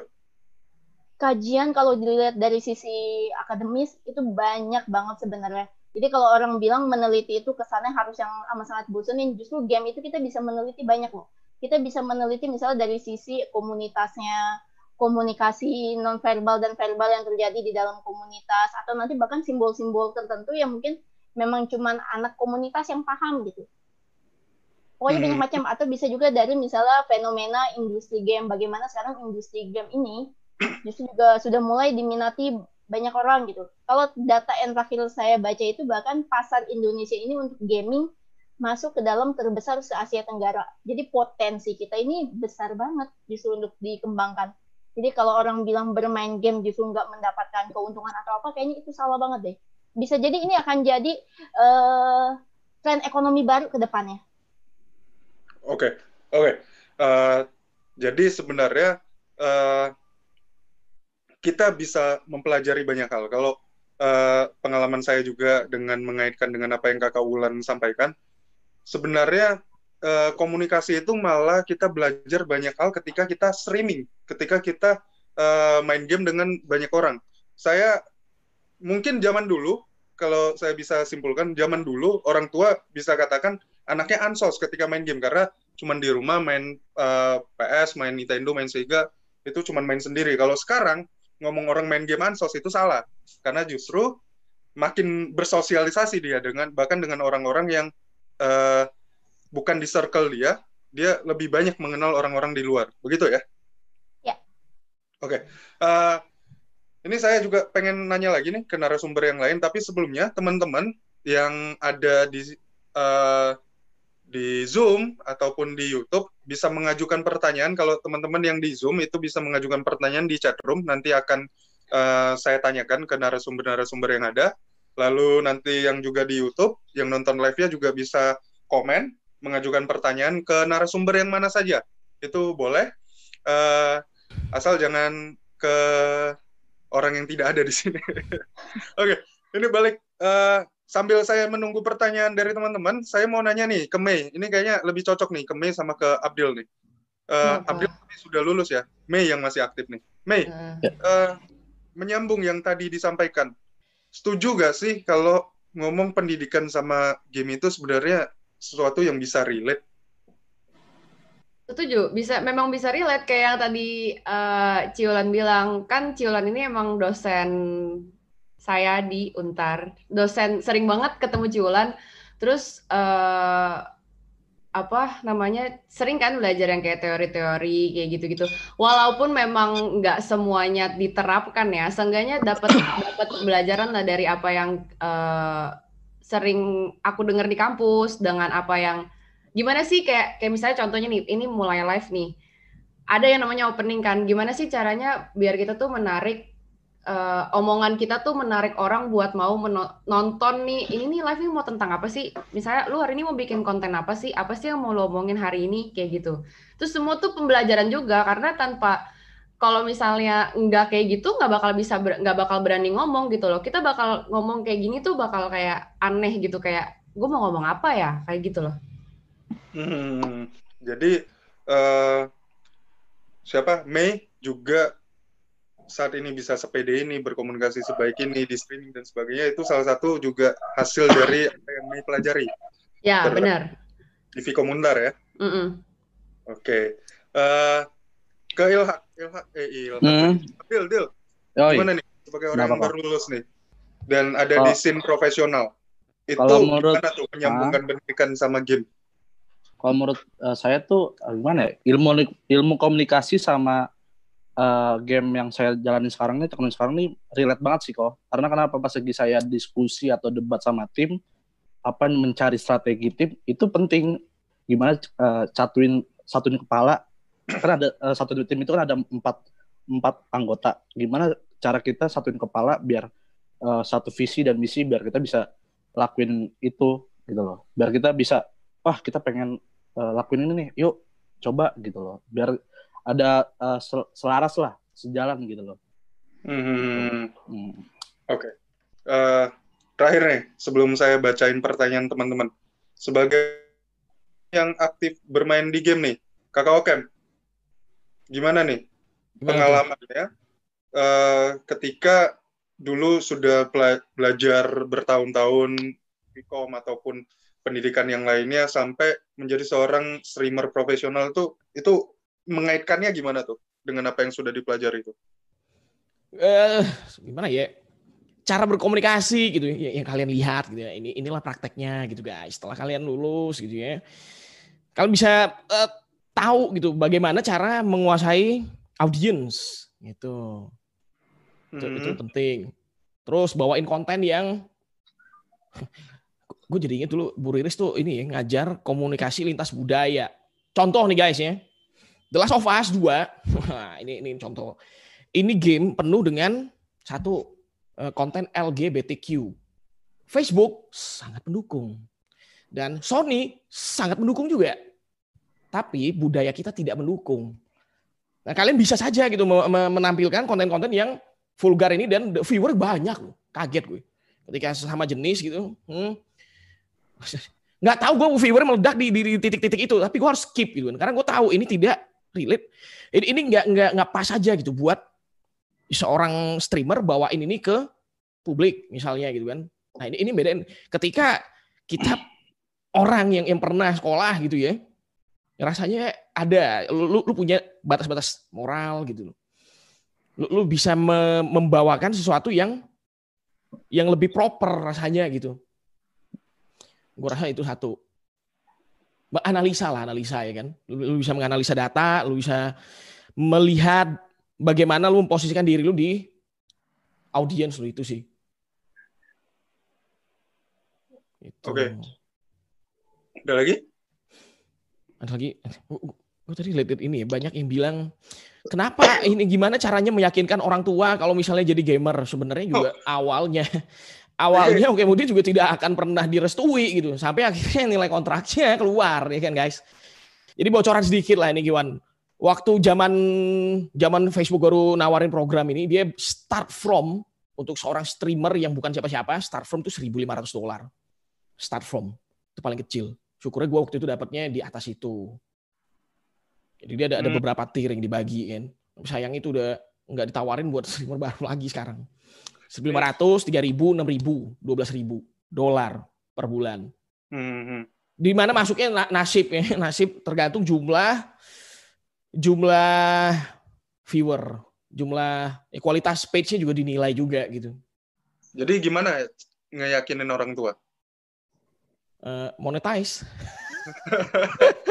Kalau kalau kalau sekarang kan mungkin eh, kakak Okem lebih kompleks nih. Eh, yang pertama Anda mencuri pekerjaan saya untuk baca pertanyaan di chat room. Oh gitu. Hmm. Habis muncul-muncul gitu, pengen gitu kan jadi Boleh tuh kok saya jawab kok. bentar, Boleh bentar. saya jawab nanti, tuh kok. nanti saya ke Ilhak. Tapi ini Okem kompleks nih. Selain harus meyakinkan orang tua nih, Oke, Eh, kan meyakinkan sekarang- istri bahkan ya kan. Nah, sudah punya istri, sudah berumah tangga. Kalau eh, kita sebagai anak saja itu dimarahin orang tua, lu kamu ngapain sih? Cuman di kamar main game dan sebagainya. Ini gimana sudah punya istri, punya anak?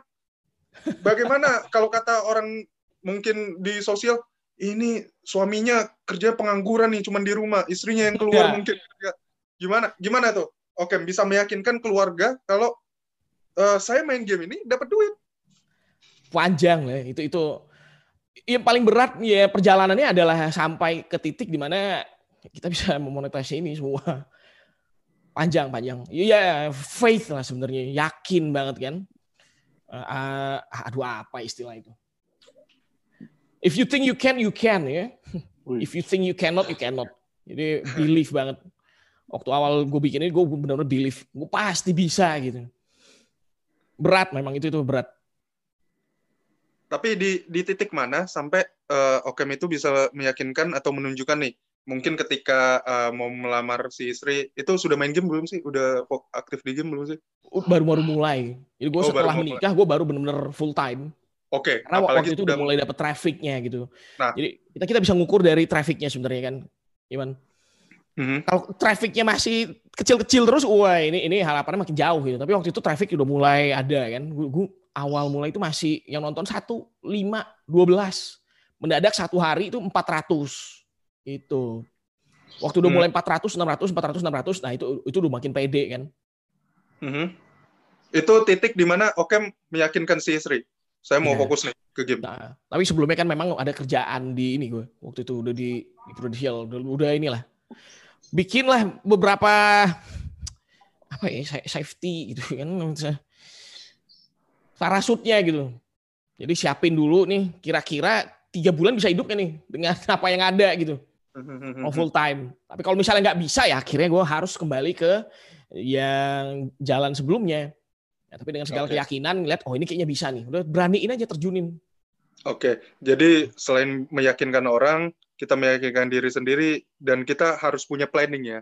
Kira-kira Tuh. kapan harus berhenti, Analisa kapan harus lah. melanjutkan ya. Ah, Oke. bikin safety plan-nya juga gitu. Kalau gagal, karena nggak semua streamer bisa berhasil. Itu itu benar sih. Oke, oke. Eh, ini pertanyaan dari Misali tadi. Kena gimana cara meyakinkan orang tua? Tadi Abil katanya punya ini, punya caranya. Gimana tuh, Dil? Oh iya gini kok. Kalau pertama-tama dulu saya kan waktu SMP SMA tuh ya emang sih dilarang sama orang tua. Di mana sih di, apa? Bagaimana sih orang tua tuh eh, bisa menyetujui kita main game gitu loh. Cara pertama tuh pertama saya backstreet dulu sih. Waktu SMP ya, backstreet dulu kayak orang pacaran. Orang tua nggak tahu kalau saya main game kan. Ikut kompetisi di mana-mana sampai ke Bekasi lah, segala macam Bandung lah. Nah, di situ satu suatu ketika tiba saya dapat juara nih, dapat juara. Ya saya tunjukin ke orang tua. Terus orang tua seneng dong. Ya udah sampai sekarang ya sampai sekarang tuh masih setujuin sih. Gitu. Hmm, jadi eh, caranya si Abdil ini memberikan bukti dulu gitu ya. bukti dulu. Penting bukti dulu ke orang tua gitu Tapi untuk sampai bukti itu kan ada prosesnya.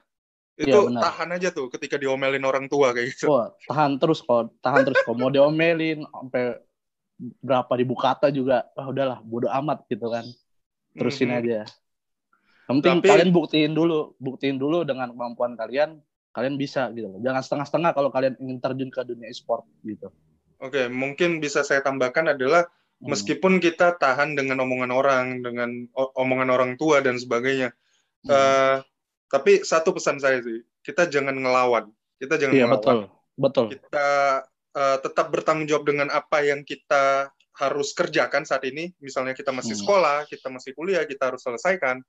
Tapi sambil di sana kita tunjukkan kalau ya kita bisa berhasil. Sebenarnya Betul. ini eh, sama aja kalau misalnya anak kuliah itu juga punya kerja sampingan seperti itu kan. Kalau Hmm. kerja sampingan juga kita menghabiskan katakan kuliah kita menghabiskan 6 jam.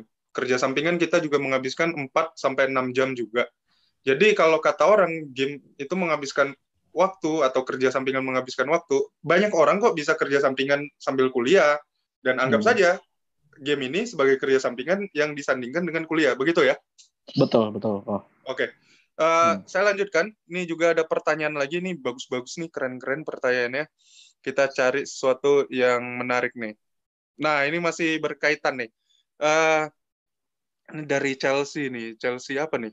Chelsea Frank Lampard apa Chelsea mana? Saya ingin bertanya, bagaimana pendapat kakak sekalian tentang anak SMP atau SMA yang sekarang bercita-cita ingin menjadi gamers, streamers, dan lainnya? Sedangkan dari pihak orang tua dan guru di sekolah masih tetap mengatakan jangan memiliki cita-cita seperti itu dan dituntut harus memiliki cita-cita seperti dokter dan lainnya. Eh, ini kalau tadi itu bagaimana cara meyakinkan orang tua, ini mungkin hampir sama, tetapi kan eh, pemikiran di masyarakat bahwa eh, kalau menjadi profesi itu harus sesuatu yang yang konkret begitu jadi Mm-mm. dokter, jadi eh, pengacara, jadi eh, kalau kita ilmu komunikasi mungkin jadi wartawan, jadi eh, public relation, jadi marketing. Eh, gimana sih kita menunjukkan kalau profesi game ini juga gak kalah nih sama profesi-profesi lainnya. Oke. Siapa yang mau jawab? Siapa nih pengen jawab nih? Kakak Okem nih? Duluan kok Duluan, duluan. duluan kok Jadi gini nih buat yang nanya ya halo. Hmm. Apa pun profesinya sebenarnya satu sebenarnya inti dari segala macam yang kita lakukan di dunia ini dalam hidup ya guys. Jadilah pembawa impact guys, jadilah pembawa dampak. Mau jadi tukang pisang goreng pun, jadilah kayak Bu Nanik gitu loh. Duh. Jadi apa pun, jadilah yang the best di ya di ranah itu gitu. Nah gaming ini karena punya begitu banyak ini konotasi gitu jelek-jelek. Nah kalian kasih tunjukin aja nih. Ini Just Just No Limit nih bu. Beli Ferrari dari dari jadi gamer bu. Iya. Itu salah satunya gitu. Bentuk yang suksesnya. mungkin contoh Tapi ya yang yang yang mainstream mainstreamnya gitu ya. Ya anggaplah Just No Limit itu adalah IKEA-nya gitu guys. Nah kita kayak buka toko eh furniture. Tapi bukalah toko furniture baik juga gitu. Tetap bisa menghasilkan. Nah, ini dari eh, dari Ciulan, dari Bu Riris. Ada banyak sekali data yang ternyata bi bilang kalau Indonesia ini market market banget buat gaming ternyata gitu. Nah mungkin itu yang ibu guru belum dapat gitu data-datanya. Itu sebuah potensi yang memang harus digali kan begitu. Oke, kalau kalau Mei gimana? Mei kan ini juga masih aktif nih. Apakah masih akan yakin nih sampai nanti uh, selesai kuliah akan tetap terjun di dunia game? Mei. Hmm. Sejak uh, sejak udah menjalani yang namanya dulu nggak ada yang nonton sampai sekarang yang nonton udah lumayan juga udah banyak lah lebih ke ganti cita-cita kali ya pengen jadi gamers aja karena ya to be honest, kita enak cuma duduk main. Kan kita suka kita melakukan sesuatu hal yang kita suka dan itu menghasilkan menghasilkan gitu loh buat kitanya sendiri. Jadi kalau misalnya ditanya masih mau lanjut pastinya masih mau lanjut. Apalagi pasarannya untuk sekarang sangat-sangat lumayan gitu loh yang kita lihat di depan. Kayak gitu sih. Hmm, oke. Okay. uh, eh, kalau saya bisa sampaikan uh, terutama di industri game sebagai orang yang suka game itu kita sebenarnya tidak harus langsung terjun secara langsung sih, secara aktif, baik di scene kompetitif atau sebagai streamer dan kawan-kawan ya. Kayak saya misalnya, uh, saya suka game dan saya tahu kalau saya meskipun uh, suka main PUBG Mobile nih, saat ini crown saya, eh, rank saya sudah crown hampir S ya.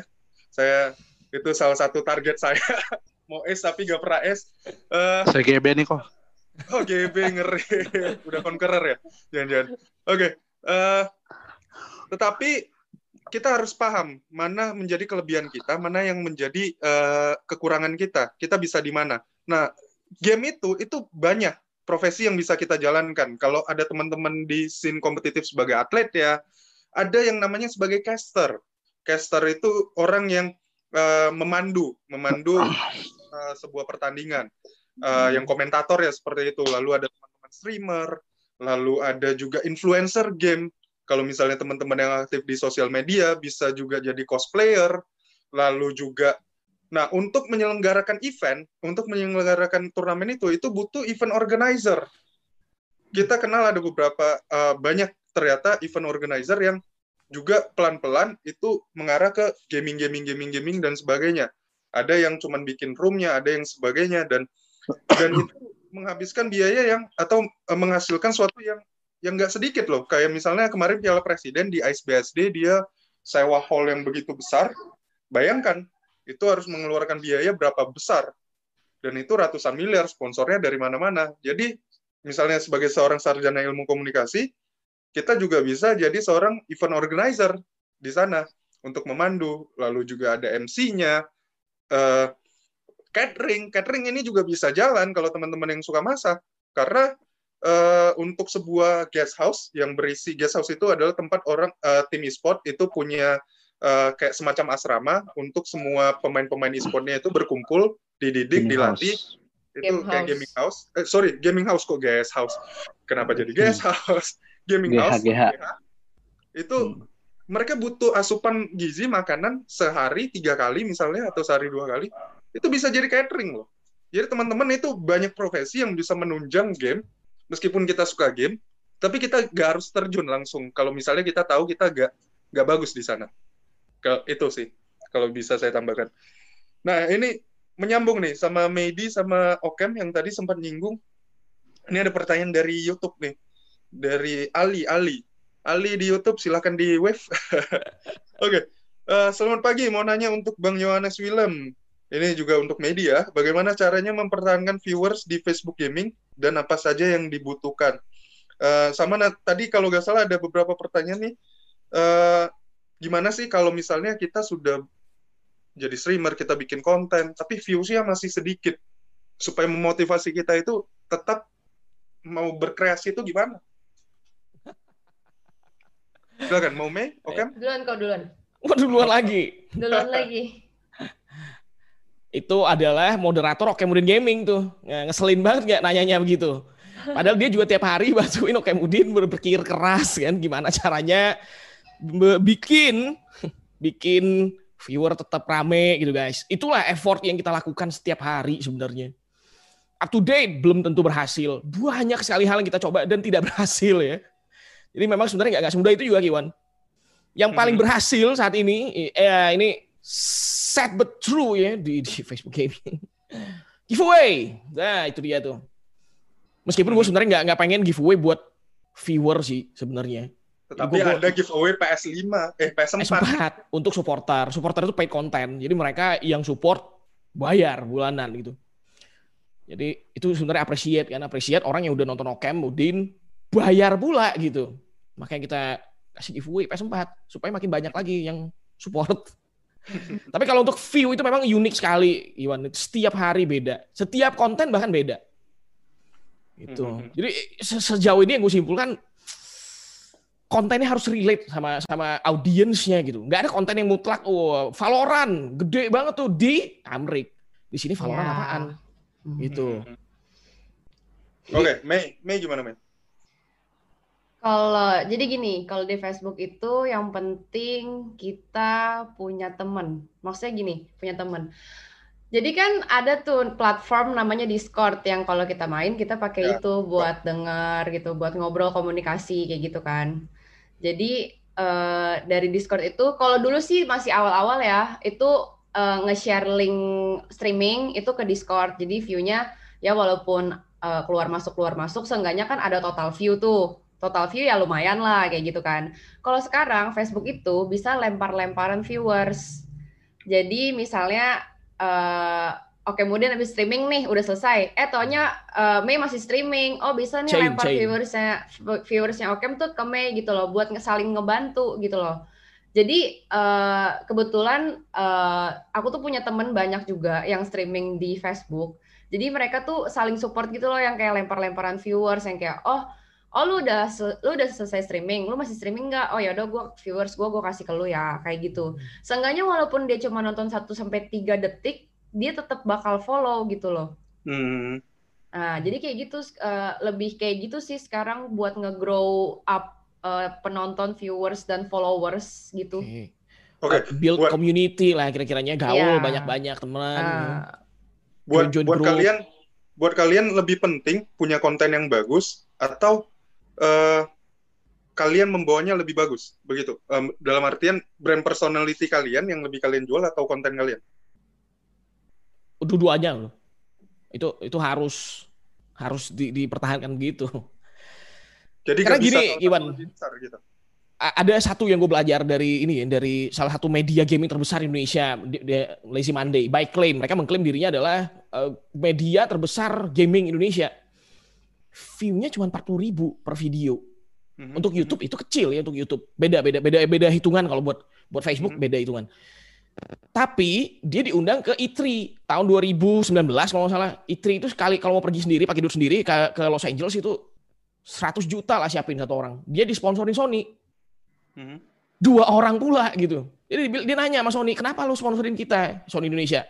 Banyak tuh yang juta-juta view-nya, kenapa kita yang dipilih? Kami nggak nggak terlalu peduli sama quantity, dia bilang. Kami peduli sama konversi. Kalian cocok gitu. Orang yang nonton kalian adalah orang yang beli barang kami soalnya, kata Sony begitu. Nah, jadi sebenarnya quality sih. Kalau gue ngejar quality, yang ngejar quantity pun tetap tetap ada gitu. Karena saat ini Facebook gaming sebenarnya masih ngejar quantity menurut pengamatan gue. Makin gede waktu itu lo makin senang. Nah, tapi kalau gue memang yang gue bangun adalah komunitas Oke Modern Gaming di Facebook Gaming yang gue pertahankan memang kualitasnya gitu. Viewer oh, ba- lebih banyak yang gede-gede, ngeri-ngeri kan. Tapi gue gue stick dengan satu konten gue harus kualitas gitu. oke Mei singkat gimana konten atau brand personality Dua-duanya brand sih. identity dua-duanya.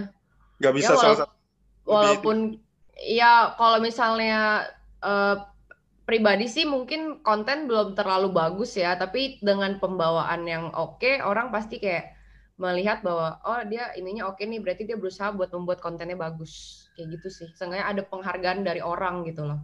Hmm, oke. Eh, ke Kakak Wulan, Kakak Wulan. Kakak Wulan menghilang dia.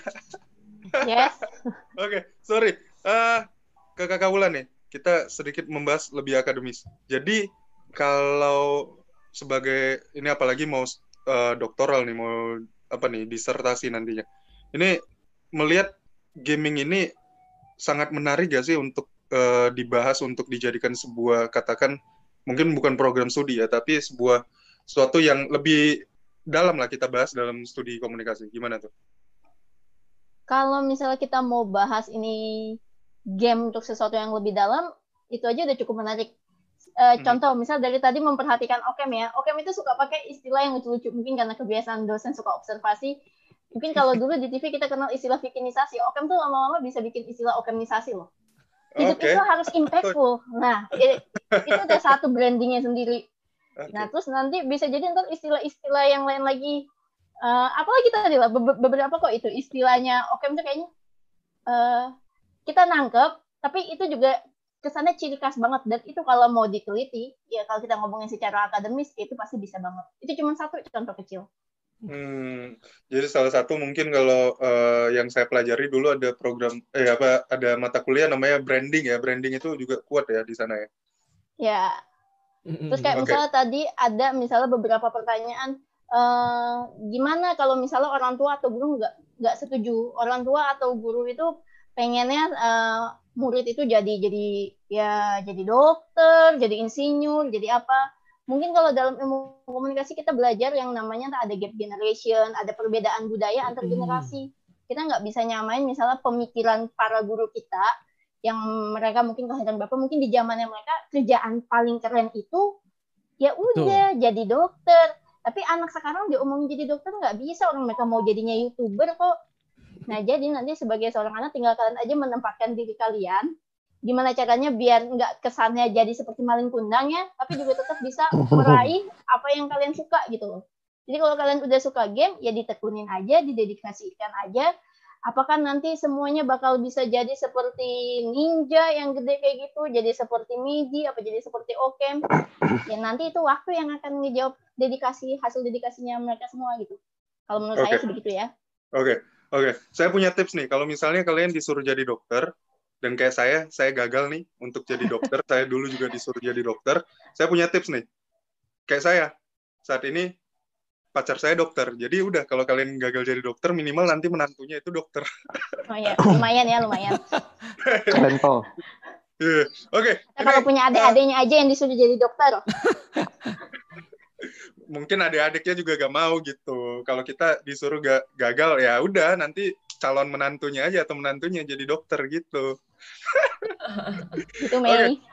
Eh, Kobe. kita kita ini gue pengen masih pengen bahas banyak banget dan pertanyaan ini juga gak habis-habis ini keren banget teman-teman kayaknya ini seru banget kayaknya kita harus bikin sesi dua nih kayaknya ya tapi kita sudah harus menyudahi pertemuan kita sebelumnya saya minta closing statement dari teman-teman semuanya dari apa yang eh, sudah kita bahas sepanjang ini Eh, mungkin kata-kata motivasi atau kata-kata eh, yang bisa kalian simpulkan lah dari eh, apa yang kita bahas ini. Eh, jangan okem dulu, jangan okem, okem mulu yang dari tadi. Dari Abdil dulu, Abdil, Dil, gimana Dil? Singkat kan kok? Singkat aja kok. Ya, singkat. Anda tahu Oke. durasinya. Oh, Eh, menurut saya ya do the best aja lah. Buat Hmm. terbaik aja. Udah itu aja kok. Singkat sekali Anda. Singkat. Do the best. Wah, Anda singkat sekali. Mei, Mei, Mei, gimana Mei?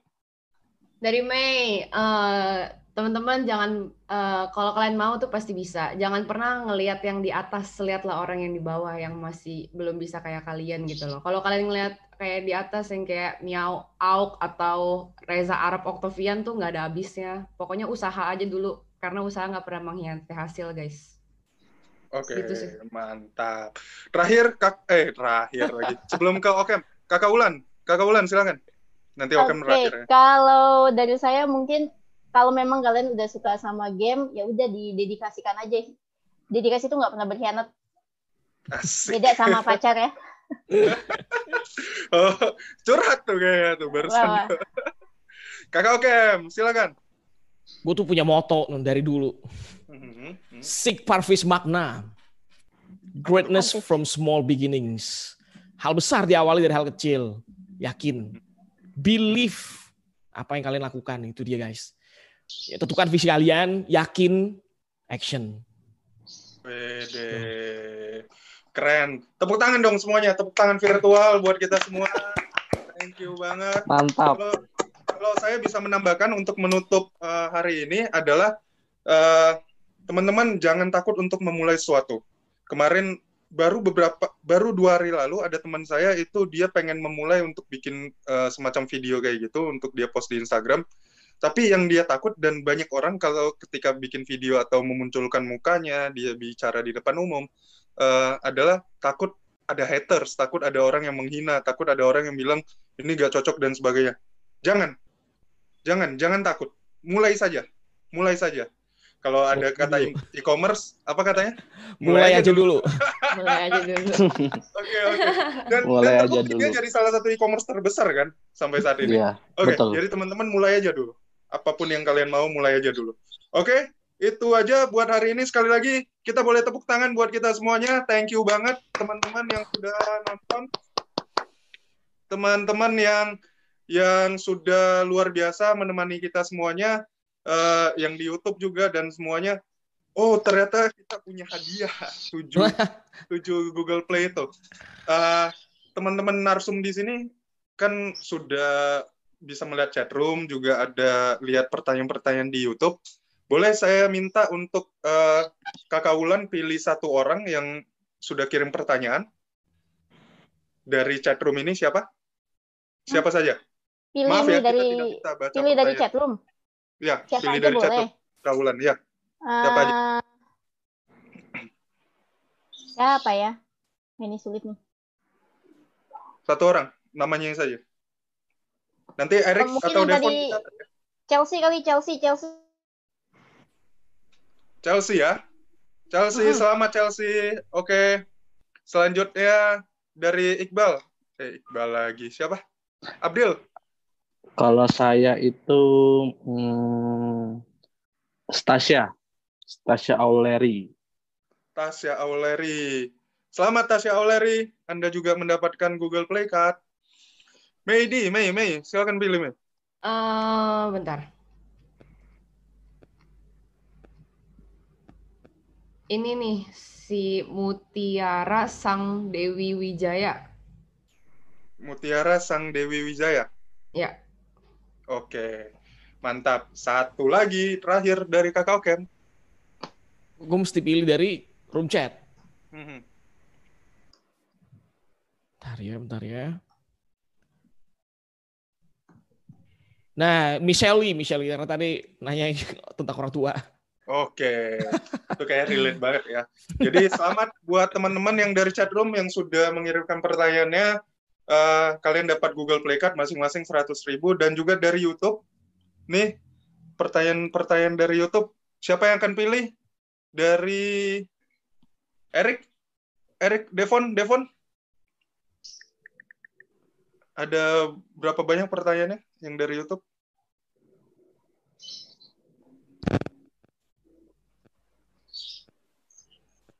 Cukup cuma empat aja kok yang tadi dipilih yang dapat hadiah. Oke, oke, oke. Iya. Oke, jadi nanti uh, uh, akan diurus lagi sama Devon, sama Erik, sama panitia yang lain. Thank you banget sekali lagi tepuk tangan dong buat kita semuanya. Thank you, thank you so much teman-teman, kakak Okem, kakak Wulan, Mei, sama gue lupa terus Abdil, Dil, susah Oi. banget. Apa? Thank you, thank you banget, thank you so much sudah menemani kita semuanya. Saya kembalikan ke Devon, silakan. Terima kasih. Terima semuanya. kasih Bro Kiwantoro sudah mengoper kembali kepada saya dan terima kasih juga buat narasumber tadi yang sudah sharing-sharing ya. Tentunya kita dapat banyak banget ilmu yang bisa kita dapetin lewat webinar kali ini. Dan juga ilmunya jangan cuma disimpan ya teman-teman, kalau bisa diterapkan juga dalam kehidupan nyata kan teman-teman pasti suka gaming juga. Mungkin ada yang mau jadi streamer juga, bisa ikutin tips-tips dari kakak-kakak kita tadi. Nah sekarang eh, tadi udah pemenang yang penanya terbaik, sekarang saya ingin mengumumkan pemenang dari Instagram nih yang udah ngepost foto atau video di Instagram dengan like dan juga paling menarik tentunya ya. Jadi siapa nih kira-kira yang menang voucher Google Play senilai 100.000 untuk tiga orang pemenang? Langsung saya ini teman-teman dengarkan dengan jelas ya. Siapa tahu miss nanti takutnya. Yang pertama pemenangnya adalah aku.casper dengan akun @aku.casper. Selamat Anda memenangkan voucher Google Play sebesar 100.000. Nanti untuk teman-teman penanya dan juga teman-teman yang mempenang di IG bisa langsung DM ke Instagramnya @vikomuntar dengan memberikan keterangan nama lengkap, alamat lengkap, dan nomor HP ya teman-teman. Jangan lupa nama lengkap, alamat lengkap, dan nomor HP. Jadi pemenang keduanya setelah aku Casper adalah Julius Teja 18. Selamat kepada Julius Teja 18.